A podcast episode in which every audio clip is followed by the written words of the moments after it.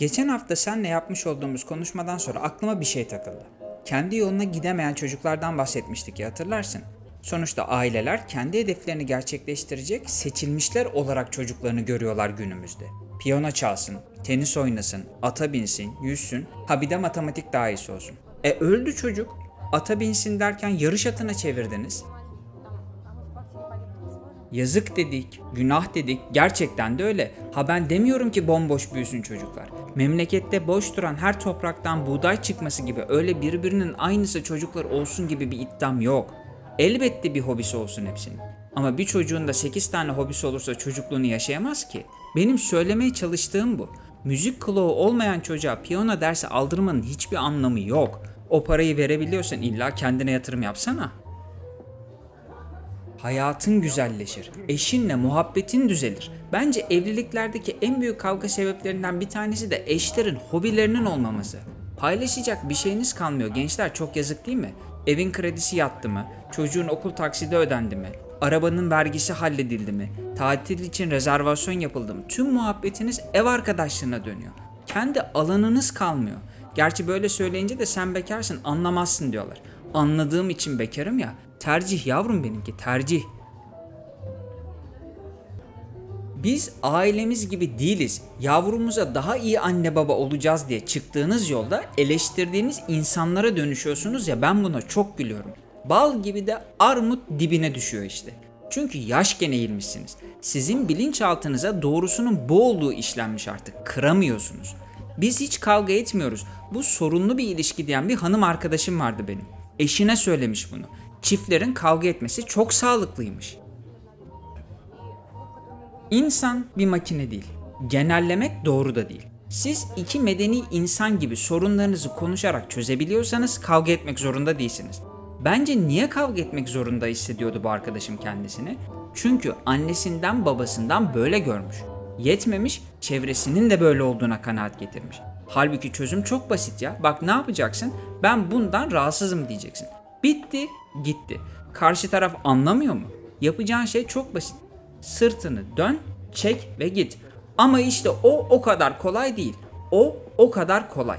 Gitmesini bilmiyorsunuz. Hayatınızı kendinize zindan ediyorsunuz. Lakin benim asıl düşündüğüm geçen haftadan bu yana bunlar değildi. Evet ailemiz bizim üzerimizde çok etkili. Küçüklüğümüzden taşıdığımız yaralarımız da var. Ama bu hayattaki sorunların temelinde onlar yok.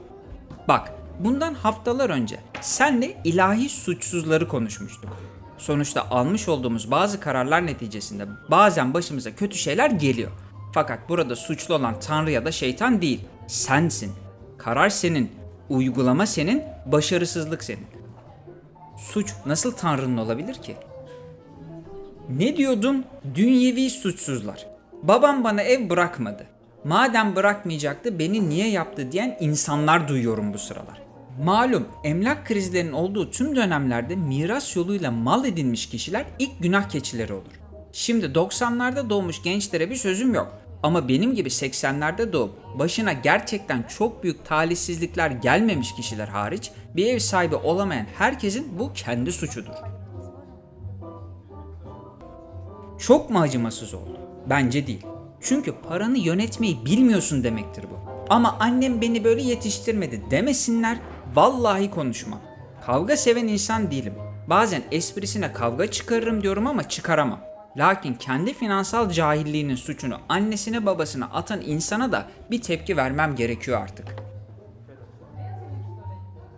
Kusura bakma ama bu artık terbiyesizlik. Hepiniz mükemmel detaylardınız da Tanrı ve aileniz mi kötüydü? Bütün evren kötü, siz iyi olamazsınız. Bu nedenle hayatınızdaki talihsizlikler için ailenizi de suçlayamazsınız. Bir kere bu sizin potansiyelinizi gerçekleştirmenizin önünde çok büyük bir engel. Ailem bunu bunu sağlamadı, ben bunu yapamam. Çok keskin ifadeler bunlar. Dünyada böyle ekonomik krizler hep olmuştu. Bugün de oluyor, yarın da olacak. Ama bu demek değil ki aileniz sizin tek dert kaynağınız. Bundan 15 sene sonra o evi alınca kendi başarım diye gezeceksin. O zaman babam yollu, annem köylü demeyeceksin. Şimdi niye suçluyorsun bu insanları? Neden kendi beceriksizliğini sürekli başkalarına, hatta en yakınlarına atmakta beis görmüyor bu toplum yolundaki insanlar? İşte bunlardan niye nefret ediyorum? Her geçen gün daha iyi anlatabiliyor muyum? Çok daha iyi bir şekilde hatta. Herkesin ailesi seninki kadar iyi değil. O yüzden bu insanları anlamıyorsun diyebilirsin. Doğru, ben bunu inkar etmiyorum ki ben şanslıyım. Bana miras ev kalmadı ama güzel bir eğitim kaldı. Çalışmak zorunda olduğum, istersen başarabileceğim, tek başına hayatta kalabileceğim bir eğitim aldım ben annemden. Ben nice baba yiğitler biliyorum gurbette ilk gün pijamasını nasıl katlayacağını bilmeyen. O gün pijamayı katlamayı bilmemen annenin suçu mu? Sayılır. Eğitim eksikliği diyelim. Ama ertesi sabah o pijamayı hala katlamayı bilmiyorsan bu o andan itibaren senin suçun olur. Sorun görünce çözmek yerine oturup ağlamak tam da toplum yolundan gidenlerin işidir. Annem katlardı bunu hep. Ben bilmiyorum nasıl olacak. E öğren. Kadını suçlamayı bırakır mısın? Bak hayatın çok kolaylaşacak. Telefon açıp bağırmak yerine bunu nasıl yapacağım diye sorsan herkesin hayatı çok güzelleşecek ya. Aileniz sizin düşmanınız değil. Kini hayata yöneltin. Bu yaşlı insanlara değil. Size sorunu çıkaran çoğunlukla adına toplum dediğimiz düzen. Düşmanı göklerde veya baba ocağında aramayı bırakın. Bunlar bırakamayacaklar. Adım soyadım gibi biliyorum. İşte o yüzden diyorum ki sen bırak. Sen kendi yoluna çıkan güzide yol arkadaşım. Tanrı'yı veya aileni suçlama. Derin bir nefes al ve odaklan. Ev alman gerekiyorsa ve şu an alamıyorsan birikim yapmaktan vazgeçme. Hiçbir yaz sonsuza kadar sürmeyeceği gibi hiçbir kış da sonsuza kadar sürmeyecek. Emin ol. Sen sadece yazın gelişine hazır tut kendini.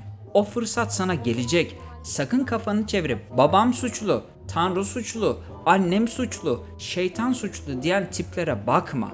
Kaygı bulaşıcıdır. Kaygı sana öyle hızlı geçer ki kendini çok sevdiğin annene söverken bulursun.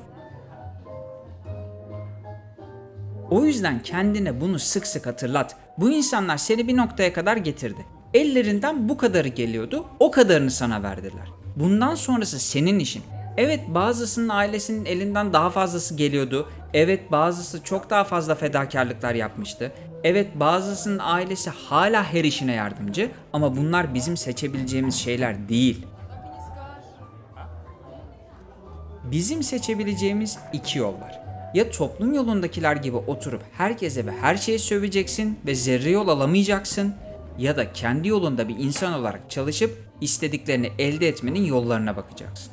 Tercih her zamanki gibi senin. Ama bu kadar hafta buraya gelip beni dinlediğine göre diyorum ki içimden sen de bu tercihini yaptın artık. Kendi yolunda olmak ilahi ve dünyevi suçlar yaratmak demek değildir.